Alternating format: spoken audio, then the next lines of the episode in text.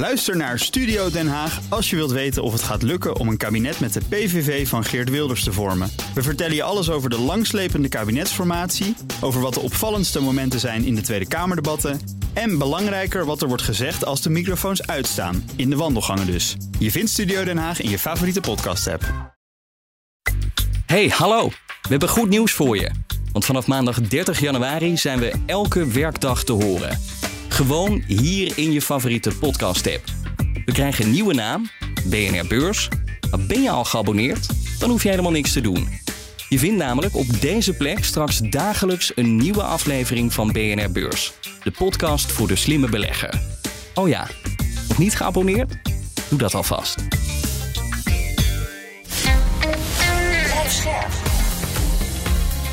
BNR Nieuwsradio. De AEX-factor.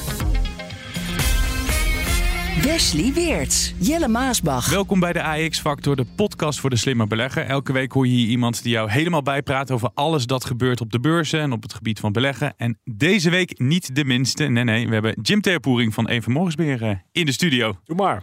Om uh, te praten over het cijferseizoen dat langzaamaan uh, op stoom komt. In Amerika kwamen onder meer banken als JP Morgan, Bank of America en Citigroup al met jaarcijfers. En in ons land zorgden zwarte cijfers van Just Eat Takeaway voor een koersexplosie. Maar er liggen ook flinke tegenvallers op de loer. Zo hadden analisten rekening met lagere winsten, natuurlijk door economische tegenwind. En ook is de vraag hoe bedrijven omgaan met die stijgende kosten. Kunnen ze die doorberekenen of dreigen er ontslagen. Um, Jim, waar ga jij dit cijferseizoen extra op letten? Nou, met name inderdaad natuurlijk wel de mate waarin winsten uh, gedaald zijn. Mm -hmm. En eigenlijk veel belangrijker nog, uh, hoe, uh, ja, welke guidance wordt er voor de toekomst afgegeven? Ja. Wat wordt er verwacht voor Q1 2023 en verder natuurlijk? En wat je toch al wel een beetje ziet, is dat iedereen natuurlijk heel veel negativiteit verwacht, maar dat bedrijven relatief optimistisch zijn. En wat verwacht jij dan? Verwacht je dat dit uh, seizoen gaat meevallen? Of verwacht je juist tegenvallers omdat ze dan misschien een beetje zelf te positief zijn, die bedrijven? Nee, ik verwacht met name meevallers. Uh, en dat heeft alles mee te maken dat vooruitlopend op een ja, mogelijke recessie en tegenvallende resultaten zijn beurzen natuurlijk in 2022 hard gedaald.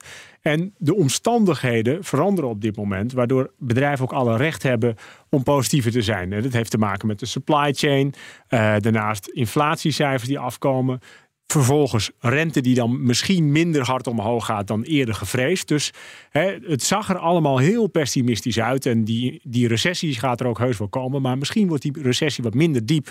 En ja, dan krijg je uiteindelijk ook positievere toon uh, bij de outlook en dus positievere beleggers. En, en, zagen we dat al bij de bedrijven die ja, nu al met cijfers zijn gekomen? Die banken en bijvoorbeeld Just Takeaway? Ja, je noemt er eentje specifiek. Kijk, bij de banken was het beeld nog een beetje gemengd. Uh, JP Morgan bijvoorbeeld had een fantastische omzet en winstgroei. Morgan Stanley ook. Goldman een beetje minder. Dus de banken was het beeld nog een beetje gemixt. Maar onder de streep toch wel positief. En ook de koersreacties oké. Um, je noemt nu even Just Eat Takeaway. Nou, dat, dat was natuurlijk meer een trading update een, een, wat kleiner bedrijf op de Nederlandse beurs. Inmiddels? Ja, inmiddels ja, want het was natuurlijk een, een parel. Maar ja, van die parel uh, is op een gegeven moment 90% beurswaarde vanaf de top verloren gegaan. Maar wat je daar wel zag is dat uh, ja, beleggers de cijfers of de trading update met gejuich onthaalden. In de dag ging dat bedrijf 15% omhoog. En laten we wel wezen, uh, vanaf 1 januari gemeten is uh, de koers die stond zo'n 20 euro. En die is tot op een gegeven moment 27 gestegen. Nu iets teruggevallen, maar ja, dan mag je toch, mag je toch wel stellen dat beleggers in elk geval minder negatief zijn over Just Eat Takeaway. Ja, we gaan zo meteen verder over Just Eat Takeaway. Ook over die banken die je net uh, kort aanstipte. En dan gaan we ook horen welke aandelen gaan scoren. Welke gaan teleurstellen. Kunnen we bijvoorbeeld nog uh, winstwaarschuwingen verwachten. Maar we beginnen zoals altijd met het nieuws dat je deze week niet had mogen missen. Veel economen hebben, jawel, zin in een recessie. Dat zou namelijk goed zijn voor de torenhoge inflatie. En dat enthousiasme voor een economische neergang verbaast onze huiseconoom. Ik verbaas me er wel een beetje over hoor. Want het is echt voor het eerst dat ik meemaak dat zoveel economen uh, ja, eigenlijk enthousiast uh, lijken te zijn over een naderende recessie. Arme Tim Cook. Hij krijgt dit jaar de helft minder uitgekeerd. Slechts 49 miljoen. This more has to do with managing the relationship with investors and making sure that investors that last year at the annual meeting voiced some concern about Apple's executive pay practices are feeling like the board is responding to them and maintaining a good relationship with them. Olaf Scholz is er zeker van. Duitsland duikt dit jaar niet in een recessie. De bondskanselier verwacht dat zijn land goed door de winter komt. ik denk dat het een beetje wishful thinking is. En ik moet ook zeggen, ik geef niet zoveel uh, om als, als beleidsmakers voorspellingen doen. Want uh, ik moet onmiddellijk daaraan denken aan uh, ECB-president Christine Lagarde... die volgens mij nog een jaar geleden zei dat die rente 2022 helemaal niet wordt verhoogd. Disney heeft geen trek om de bekende activist Nelson Peltz een plekje in de board te geven. The boardroom battle between Disney CEO Bob Iger and activist investor Nelson Peltz has ratcheted up, with Disney throwing the latest punch.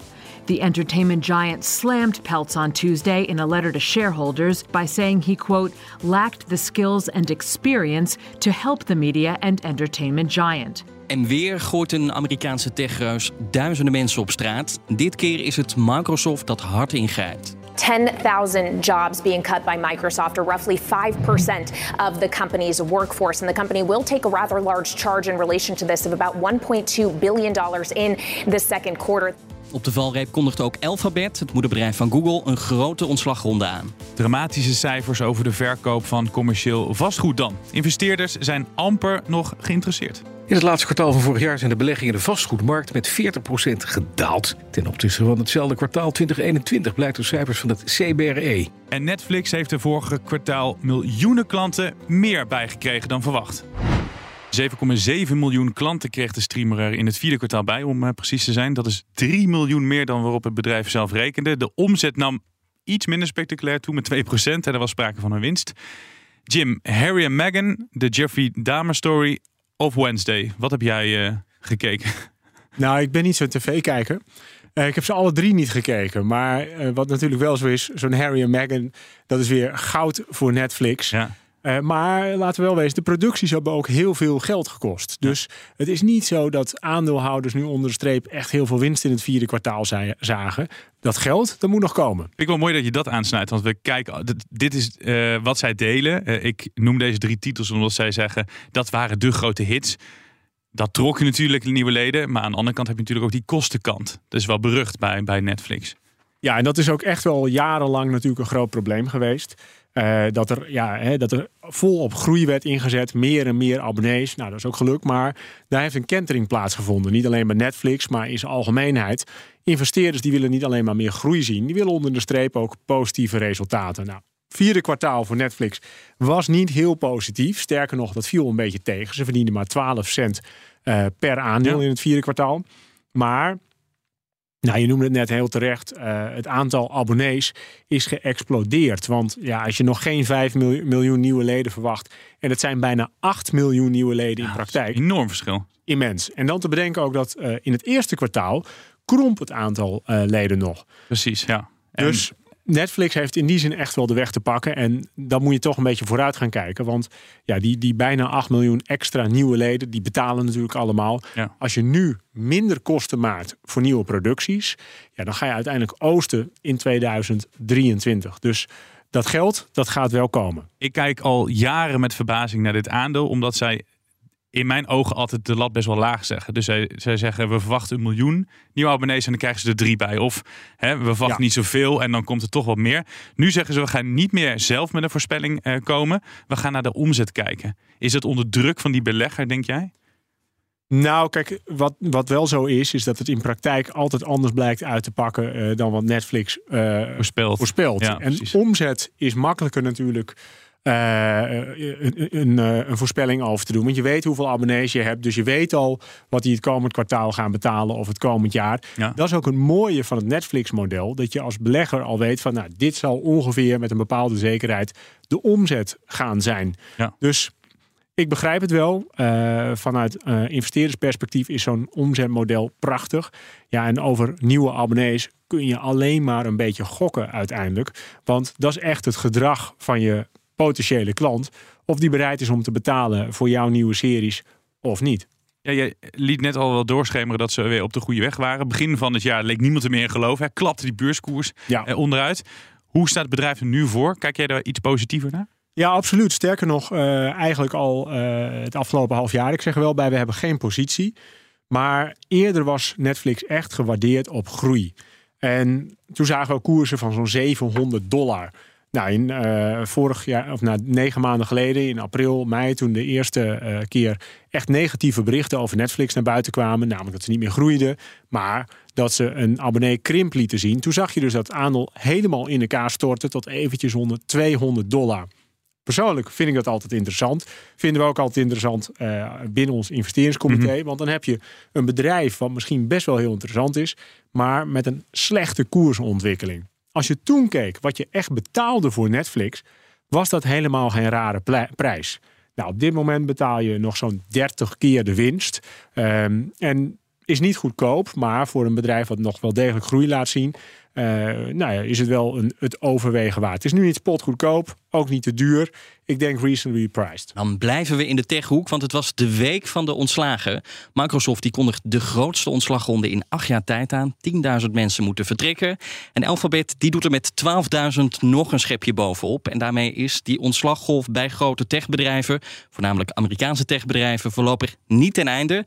Eerder ontsloegen namelijk eh, onder meer Amazon en Meta al duizenden medewerkers. Nu dus Microsoft en Alphabet. Jim, eh, ja, kijken we naar een, een, een beetje tegenwind of is er meer aan de hand bij die uh, techreuzen? Het is niet, niet zozeer uh, bij de techreuzen alleen, maar ik denk in de hele techsector. Mm Het sluit ook mooi aan op het verhaal wat we net bespraken over Netflix, waarbij alles gericht was op groei. Ja. En op dit moment willen investeerders niet meer alleen groei zien. Die willen vooral onder de streep zwarte cijfers. Die willen gewoon rendement op hun vermogen. Dus, hè, want, want, anders kun je ook zeggen: ik zet mijn geld op een spaarrekening. Nou, doe je dat in de Verenigde Staten, krijg je gewoon 4% rente. Dus als investeerder wil je op dit moment uh, ja, dividend uiteindelijk zien, winst, zwarte cijfers. Die schrijft Microsoft overigens wel. Ja. Dus wat dat er gaat, is dat een beetje een vreemde eend in de bijt. Uh, ze hebben ook genoeg cash. Maar er moet iets gedaan worden om die cijfers op peil te houden. Nou, hoe kun je dat doen? Tot 2022 zeiden we, nou, hoe maak je nou uh, meer winst? Dan moet je meer omzet maken. Maar op dit moment moet je gaan kijken naar de kostenkant. Dus het is als je kijkt binnen de economische cyclus, een hele logische beslissing om nu te gaan snijden in kosten. En is het dan ook een stap die op enthousiasme kan rekenen bij beleggers? Zie, zie je ook die, uh, die aandelen stijgen wanneer zo'n ontslagronde wordt aangekondigd? Ja, maar dat compenseert bij lange na niet de verliezen die de beleggers eerder hebben geleden. Want laten we wel wezen, een aandeel als Microsoft, uh, dat stond uh, ruim een jaar geleden op bijna 350 dollar. Nou, nu op 230. Dus er is gewoon een derde van de waarde is verdwenen. En dan valt er bij Microsoft nog mee, hè, als je het hebt over de techhoek. Want je noemde net ook al uh, Meta, nou, dat is meer dan gehalveerd. Amazon heeft het slecht gedaan. Kunnen er nog wel een paar aan toevoegen. Uh, Twitter heeft een grote ontslagronde aangekondigd. Ja. En nadat de nieuwe CEO uh, eh, op het plus zat. Maar diezelfde CEO heeft ook bij Tesla flink ingegrepen. Want daar zijn ook in de zomer 22 volgens mij is ook een grote ontslagronde geweest. Dus in de hele techsector wordt, uh, worden, vallen ontslagen en dat is om kosten te besparen. En, en uh, ik, ik kan me een uitspraak herinneren van uh, Satya Nadella, de CEO van Microsoft. En die zei ook van ja, het worden twee hele lastige jaren voor die hele techsector. Is dat een verwachting die jij deelt? Ja, die deel ik zeker. Um, en, en hoe uit dat zich voor beleggers? Betekent dat nog meer dalende koersen, nog meer massa-ontslagen? Uh, nou ja, goed, de, de, de, nog meer sombere winstcijfers? Nou, je hebt hier, hier twee dingen. Je hebt natuurlijk uh, de, de, de operatie van het bedrijf. Die gaat nog heel zwaar worden. Beleggers, die hebben wat mij betreft... en zo kijken wij er nu van naar bij een vermogensbeheer... het zwaarste achter de rug. En dat is heel zwaar geweest. Hè? Want ik noem Microsoft uh, en zeg ja, dat is een derde van de prijs af. Uh, pak een willekeurig aandeel uit de Nasdaq en de, de, de, verliezen zijn vele malen groter. Nou, we noemen Tesla. Er is drie kwart van de beurswaarde is in rook opgegaan vanaf de top. Dus beleggers hebben echt al een enorme klap gehad in de verwachting dat de omzetten tegen zullen vallen, of de omzet groeien, of misschien zelfs krimp. Dat de marges onder druk komen te staan. Um, dus de echte Hosanna-jaren die liggen achter ons.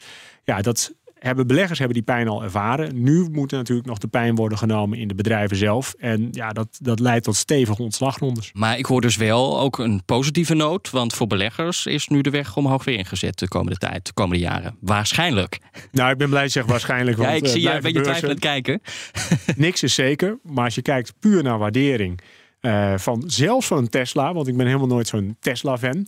Maar als je nu kijkt naar de winst die Tesla maakt, de kaspositie die ze hebben, uh, nou, de echt wel grote groei nog die ze laten zien in verkopen, is dit helemaal niet een raar aandeel om in elk geval te overwegen. En over Tesla gesproken. Tesla komt binnenkort met de kwartaalcijfers. Dit is een heel slecht bruggetje om het te hebben over het cijferseizoen. All right, guys, earnings season is coming up. The end of the year happened. All these companies are getting ready to report. This is a great time. Let's start things off though with JP Morgan. The company posted a beat on earnings and revenue, but CEO Jamie Dimon warned of further economic uncertainty ahead as the Fed continues its rate hike cycle.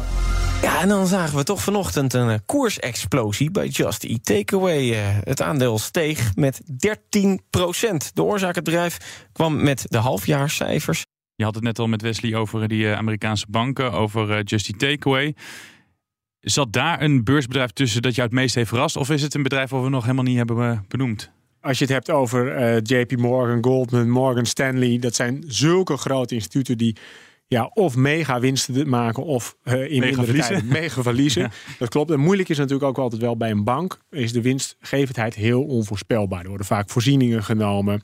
Er blijkt ergens in de boeken een afwaardering te zijn. Balans Dus- is ontzettend lastig te lezen. Exact. Ja, Ja, ja. hoe groter de bank, hoe groot het instituut, eh, hoe onvoorspelbaarder uiteindelijk ook de winstgevendheid. Dat is ook de reden dat veel banken relatief aantrekkelijk gewaardeerd lijken. Maar wij zijn nooit zo'n groot voorstander van de- dat soort eh, ja, financials. Juist omdat de, de visibility op de winstgevendheid beperkt is. En ook omdat de risico's vaak groot zijn.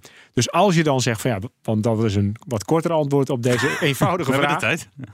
Als er dan één is die er positief uitspringt, Ja. Dan is het wel Just Eat Takeaway. Ja. Het geplaagde Just Eat Takeaway. We hebben een keer weer wat positiefs eh, daarover te melden, zou je kunnen zeggen, toch? Ja, Ja, maar ik dat is denk, ook niet zo eh, lastig na zo'n periode. Nee, dat is- positief. Nee. Snel ingezet. Ja. Nee, daar waren beleggers ook eh, wel aan toe. Ik had eh, afgelopen week nog een, eh, een gesprekje toevallig eh, met, eh, nou, bij jullie wel bekend, Hans de Geus. Die zei ook van ja, ze hebben dus ook nu in dit persbericht van, eh, ik geloof twee pagina's, 18 keer genoemd dat ze operationeel winstgevend zijn. Nou, dat benadrukken ze ook. En dat is voor beleggers ook heel welkom. Want dat betekent dat gewoon het bezorgen van de maaltijden, dat daar winst op wordt gedraaid. Maar let wel, dat is altijd nog operationele winstgevendheid. Dus onder de streep is het bedrijf gewoon verlieslatend, moet geld bij. Ehm, en dat brengt mij wel op het volgende. Als je het dan hebt over ja, eh, hoe negatief was het voor eh Just Eat Takeaway beleggers qua koersontwikkeling, zeer negatief. Maar het gegeven dat ze in het afgelopen kwartaal ook daadwerkelijk iFood hebben verkocht, Ja. dat lang te koop stond. eh, wat anderhalf miljard gegarandeerd opbrengt en mogelijk nog 300 miljoen extra. Nou, dat maakt wel dat Just Eat Takeaway eh, eh, qua schuldpositie er veel beter voor staat. Er is weer meer cash beschikbaar. En ja, ze zijn zelf ook positief over 2023. Want ze zeggen van ja, die, die, die positieve operationele winstgevendheid die we hebben gerealiseerd in het afgelopen half jaar, dat zet zich door. En het komend jaar verwachten we 225 miljoen te gaan verdienen. En één zwaluw maakt nog geen zomer, is mij altijd geleerd. Maar dit is toch het eerste Nederlandse bedrijf dat dan aftrapt en dan positieve verrassing. Ja. Wat zegt dat over eh, wat nog komen gaat, denk jij? Nou, het was niet het enige bedrijf dat positief verraste. Eh, en ik denk ook dat er nog meer verrassingen zullen volgen. En dat heeft alles te maken met de verwachtingen. Als je bijvoorbeeld kijkt naar wat werd er nou verwacht voor Amerikaanse bedrijven, dan werd er verwacht dat die gemiddeld 4% eh krimp zouden laten zien voor wat betreft de winstgevendheid. Nou, dat blijkt in de praktijk toch wel mee te vallen. Want Just Eat Takeaway, eh prachtig dat ze operationeel winstgevend eh, zijn. Ze hebben nog wel last bijvoorbeeld van fee caps en ook wel degelijk van krimp. eh, in onder andere Europa wat wat tegenvalt. Maar ASMI, ehm, laten we wel wezen, een groot bedrijf binnen AEX ook. Hè, de, de, de chipsector die Mhm. zwaar onder druk lag. Die kwam juist met een heel positieve trading update. Eigenlijk een voorlopige eh, blik op de cijfers die in eind februari pas komen. En die gaven ook aan van nou, we verwachten een omzet. Nu zeg ik even uit mijn hoofd 630 tot 660 miljoen. Die werd in praktijk 720 miljoen. Dus we hebben het niet over een beetje meer omzet, maar 12% meer omzet. Orderboek, veel meer orders dan verwacht. Dus die zeggen echt van ja, de, de shortage, hè, de problemen met de supply chain, die zijn voorbij binnen de sector. En ze waren ook uitermate positief over het, eh, over het komend half jaar. En dat geeft ook wel een beetje aan dat het niet alleen bij de cijfers of bij bedrijven het sentiment iets positiever is, maar in algemene brede economische zin dat misschien het beeld wat minder troebel is dan we eerder vreesden. Nou, mooi, en ik zie jou ook helemaal stralen. We gaan het zo meteen daar uitgebreider over hebben. En wat voor winsten we moeten verwachten. Toch nog heel even die, die banken eruit halen. Want voordat we hier naartoe liepen, eh, had Wesley het eh, er met mij over. Over die banken, die cijfers. Hè. De winsten was wat minder. Eh, hoge rentes zouden opsteken moeten zijn voor die Amerikaanse banken. Maar beleggers lijken helemaal niet echt onder de indruk van die cijfers. Hoe, hoe kan dat? Ja, je hebt daar wel twee componenten natuurlijk. Enerzijds die hogere rentes en een, een verbeterd rentebedrijf, betere marges. Dat geeft voor de korte termijn veel winstgevendheid. Aan de andere kant, een te hoge rente op bijvoorbeeld bestaande leningen kan ook weer een risico gaan vormen voor bedrijven die uiteindelijk uh, nou, niet aan hun verplichtingen kunnen voldoen. Zeker ook als uh, we in een neergaande economie terechtkomen, Mhm. waarbij de omzet weer tegen gaat vallen. Dus ja, een te hoge rente gaat echt druk zetten op de economie. Dus dat is ja, eigenlijk heel raar dat aan de ene kant 0% rente is slecht voor de rentemarge. Maar stel, de rente zou in Europa, en dat gaat die niet worden, maar 6% worden. Dan krijg je weer de situatie dat de druk op de economie zo groot wordt dat de kans op faillissementen en wanbetaling toeneemt. Die zakenbanktak, ja, dat draait ook niet heel lekker op dit moment natuurlijk. Dus ja, ik kan me ook voorstellen dat daardoor zeg maar, het enthousiasme wat getemperd wordt. Klopt helemaal. Als je het hebt over fusies en overnames bijvoorbeeld. eh, nou, de gouden jaren die liggen voor nu even achter ons lijkt het. Eh, bedrijven werden toen aan de lopende band overgenomen tegen de hoogst mogelijke multiples. En ja, dat is precies wat je zegt als we het hebben over beursgangen, overnames. Op dat vlak is het nu een stuk stiller. En dus minder omzet. En ja, uiteindelijk onder de streep minder winst. Over winst gesproken, want dat, er wordt al. eh, vorig jaar werd het de hele tijd gewaarschuwd. Dalende bedrijfswinsten, let daarop. Die winsten die gaan echt op. Er komt een moment dat ze zwaar gaan tegenvallen. Maar dat scenario van een, een winstrecessie, hebben we dat nou definitief afgeschud, denk je? Twee kwartalen op rij is volgens de definitie een recessie. Ja. Ehm, Maar we hebben en- eigenlijk nog gemiddeld niet echt eh, twee kwartalen gehad Nee. met dalende winsten. Nee, en zelfs niet qua economische groei, een beetje rond het nulpunt. Eh, we, we zien nu natuurlijk wel eh, winstdaling bij een heleboel eh, bedrijven, maar minder erg dan verwacht. En dat is natuurlijk het gek altijd met bele- beleggers, die prijzen iets in. Nou, als je kijkt naar wat de koersen het afgelopen jaar hebben gedaan, die hebben forse winstdalingen ingeprijsd. Ja, als het uiteindelijk dan meevalt, dan mag dat ook rekenen op koersherstel. Nou had jij het net al over die 4%. Die analisten verwachten die 4% krimp van de winst. Ik kan me ook wel nog één ander dingetje voorstellen. Want we hebben het hier allemaal over gemiddelde winstcijfers. Maar we hebben vorig jaar natuurlijk eh, nou, spectaculaire hoge energieprijzen gehad. Eh, die olie- en gasaandelen aandelen die deden het supergoed. Maar je ziet nu die prijzen van, van olie en gas weer wat dalen. Verwacht je juist bij die bedrijven die het vorig jaar goed deden... dus die energiebedrijven... dat we daar wel tegenvallers eh, gaan moeten incasse- incasseren? Wel in het komend jaar. Ja. Ehm, want eh, de, de, de, de winning van gas of van, van eh, olie, andere fossiele brandstoffen. Die is natuurlijk in het afgelopen jaar uitermate rendabel geweest. Hè, laten we wel wezen of je nou, nou Shell neemt of welke oliemaatschappij dan ook. Het geld klotst daar tegen de plinten. Ja. Maar nu die prijzen onder druk komen te staan, of nou de olieprijs is vanwege eh, nou ja, toch minder vraag en recessie, of de gasprijs vanwege extra aanbod. Ehm, dat gaat zeker zijn druk zetten op, bij, op de winstgevendheid bij die bedrijven. Aan de andere kant is juist de daling van de energieprijzen een zegen voor de reële economie. Mhm. En uiteindelijk dus voor beleggers. Want dit betekent natuurlijk wel dat eh, de, de, de, de kostencomponent bij de producerende bedrijven, die, die daalt. Er, is minder, eh, ja, er zijn minder kosten voor energie. Maar ook als je kijkt naar de consument, eh, als die een lagere energierekening heeft, heeft hij meer geld om te besteden in het economisch verkeer. Dus juist die daling van energieprijzen is echt een zegen voor het bedrijfsleven, voor consumenten. En uiteindelijk dus ook, eh, als je kijkt naar hoe diep zou een recessie kunnen zijn. Nou, op dit moment hoeft die recessie helemaal niet diep te zijn. Dankzij de gedaalde energieprijzen. Nee, en we hebben ook nog een milde winter. China gaat ook weer versneld open. Nou, milde winter. Ik heb jullie Nou, vanochtend ja. verslag horen Ik geven. weet het niet. over- Nou, ik dacht, de ik zit in een sneeuw- ja, sneeuwstorm. nee, nou maar ja, goed, ja, het Jim is kwam op is- sneeuwscooter hier naartoe. Het is Ja. één dag koud en er een ligt één dag sneeuwketting sneeuw. op mijn auto. En, eh, Nee, maar we hebben, al- we hebben tot, tot nu toe niet een hele zware winter gehad. De verwachting is Klopt. ook dat die redelijk mild blijft. We hebben China gaat open. eh, ook weer wat meer consumentenvertrouwen. Dat zag ik ook deze week hersteld langzaam. Dus wat dat betreft zijn er ook best wel wat meevallers. Waar, waar eh, kijk jij nou met enthousiasme naar voor de komende tijd? Wel- welke aandelen, welke sectoren? Nou, kijk, dat is toch wel die chipsector specifiek. Volgende week komt de ASML. En daar zijn veel zorgen over geweest. Leveringsproblemen. eh, ook eh, in dit geval bijvoorbeeld Amerika. Dat zei er mag niet weer geleverd worden aan China. Dus dat is echt wel een kernsector die ook naar de toekomst toe alleen maar gaat groeien. Dus ik ben heel benieuwd. Hoe heeft bijvoorbeeld een ASML het afgelopen kwartaal gedaan en hoe kijken zij naar de toekomst? Want eh, dat zijn op dit moment wel de leidende bedrijven. Zeker ook als je kijkt bijvoorbeeld naar de weging in de AX. Dus en daarnaast, ja, is niet, niet zo specifiek de, de bedrijven, maar wat gaat er op het rentevlak gebeuren? Want dat gaat echt bepalen wat de economische groei gaat zijn. Ja, maar daar heb je ook dan weer heel weinig invloed op. Dus daar heb ik geen invloed op, nee. Dat- maar die daar heb je bedrijven ook gelijk niet. ja. Nee, maar die bedrijven ook niet. Dus dat is best wel lastig om daar Ja. een verwachting op te geven. Omdat je dus zo naar die verwachting kijkt. Nou, het positieve is daarbij wel, eh, als we het hebben dan over de, de gedaalde energieprijzen. Eh, neem bijvoorbeeld Nederland. Op de top hadden we 14% inflatie. Van die 14% was 9% kwam voor rekening van de gestegen eh, eh, eh, eh, ehm, eh, energieprijzen. Dus op het moment die dalen, en dat is nu de situatie, we hebben zelfs deflatie in energieprijzen als je het bekijkt van een jaar geleden en nu. Ja, dat gaat heel veel brengen. En een lagere inflatie betekent uiteindelijk minder noodzaak voor de ECB en de Federal Reserve om de rentes verder te verhogen. En dat biedt ruimte voor economische groei. Dus uiteindelijk, zoals het er nu uitziet, is het scenario veel minder zwart dan wat we een half jaar geleden met elkaar hebben geschetst. Ik denk dat Kees de Kort niet eh, luistert naar deze uitzending. Want eh, heel veel positiviteit eh Is al hier in het gesprek. Hey, we hadden het net over Netflix. En dat ze soms misschien wel per ongeluk dan wel expres hè, de lat wat lager leggen.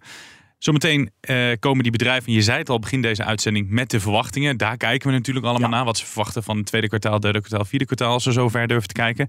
Gaan zij die lat eh, laag leggen, denk jij? Of wa- wat kunnen we daarin verwachten? Nou, kijk, uiteindelijk is dat natuurlijk ook eh, iets wat een investor relations manager zijn taak is. Het managen van de verwachtingen van beleggers, eh, analisten specifiek. En ervoor te zorgen dat de koersimpact in elk geval in negatieve zin niet te groot is. Dus ja, als topman wil je enerzijds je beleggers, maar ook de andere stakeholders, je medewerkers tevreden houden en een uitdagende doelstelling neerleggen die realistisch is, om die in praktijk dan te overtreffen. Kijk, als je elke keer niet levert, dat helpt natuurlijk niet. Niet voor de aandelenkoers, maar ook niet voor je eigen positie. Dus dat is natuurlijk het spel wat altijd bestaat tussen bedrijf en aan de andere kant de investeerders. En waar moet je als belegger op letten? Dat woordje wat je net aanhaalde, uitdagend. Ik weet, weet altijd als dat erin staat, dat is meestal geen goed nieuws. challenging. Zijn, er, hè, stel, dat je, ja, stel dat je een beetje als startende belegger daarnaar kijkt. Wat zijn belangrijke dingen? Waar wil jij bijvoorbeeld wat over horen in, in vooruit eh, Nou, nou, laat ik dan eventjes ASMI als voorbeeld nemen. Eh, daar stond exceptionally high order intake. Nou, op het moment dat de woorden exceptionally gaan vallen, dan gaat het echt goed. Dan zit jij juichend achter je laptop. Eh, ja, in dit geval wel. Maar dat kwam ook eh, we- omdat we positie hadden. Ja. en wat verwacht je voor de rest van eh, 2023? Ik zal je eerlijk zeggen, dat eh, is misschien een beetje een raar geluid, want iedereen is negatief. Maar eh, hoe wij nu naar de aandelenmarkt kijken, is dat veel bedrijven aantrekkelijk gewaardeerd zijn, ook redelijk gewaardeerd. Soms is er zelfs sprake van echt wel discounts ten opzichte van gemiddelde uit het verleden. Dus wij hebben eh, op dit moment een wat zwaardere weging in aandelen. Eh, wat, wat wel een belangrijke factor is ook, dat beurzen die lopen 12 maanden vooruit op de reële economie. Dus de klap in de economie, die moet nog komen.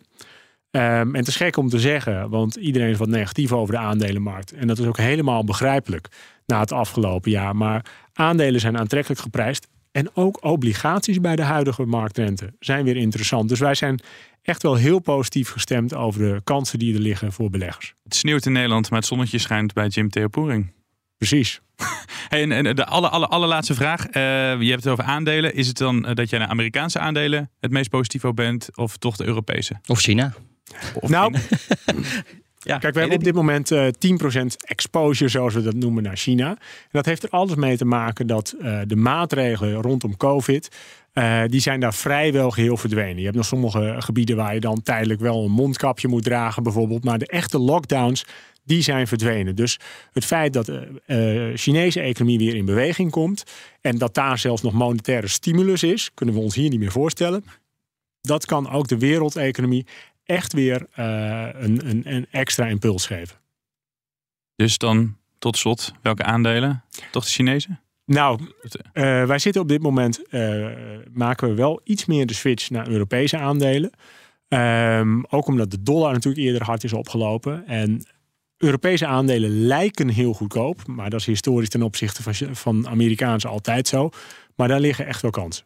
Dankjewel. Jim Theo Poering van Eén Vermogensbeheer. Goed dat je hier was. En daarmee zijn we aan het einde gekomen van deze aflevering van de AX-factor. Eh, we hebben heel veel andere afleveringen gemaakt. Ik vond die van vorige week echt heel erg leuk. Want we hadden het over eh, slimme contactlenzen en, en eh, onderhuidse chips met complete patiëntendossiers. Het ging over de zorg. En dat heel veel bedrijven, heel veel big tech bedrijven, dat ook een interessante markt vinden waar heel veel geld in te verdienen valt. En dan zeg jij luisteren zeker. Ja, natuurlijk. En abonneren. Tot volgende week. Hey, hallo. We hebben goed nieuws voor je. Want vanaf maandag 30 januari zijn we elke werkdag te horen. Gewoon hier in je favoriete podcast-app. We krijgen een nieuwe naam, BNR Beurs. Maar ben je al geabonneerd? Dan hoef je helemaal niks te doen. Je vindt namelijk op deze plek straks dagelijks een nieuwe aflevering van BNR Beurs. De podcast voor de slimme belegger. Oh ja, nog niet geabonneerd? Doe dat alvast. Ook Liesbeth Staats vind je in de BNR-app. Ja, heel handig. Luister live naar Kees en mij tijdens de Daily Move. Dan blijf je ook gelijk op de hoogte van breaking news en het laatste zakelijke nieuws. En daar vind je ook alle BNR-podcasts, waaronder de Perestrooikast. Download nu de gratis BNR-app en blijf scherp.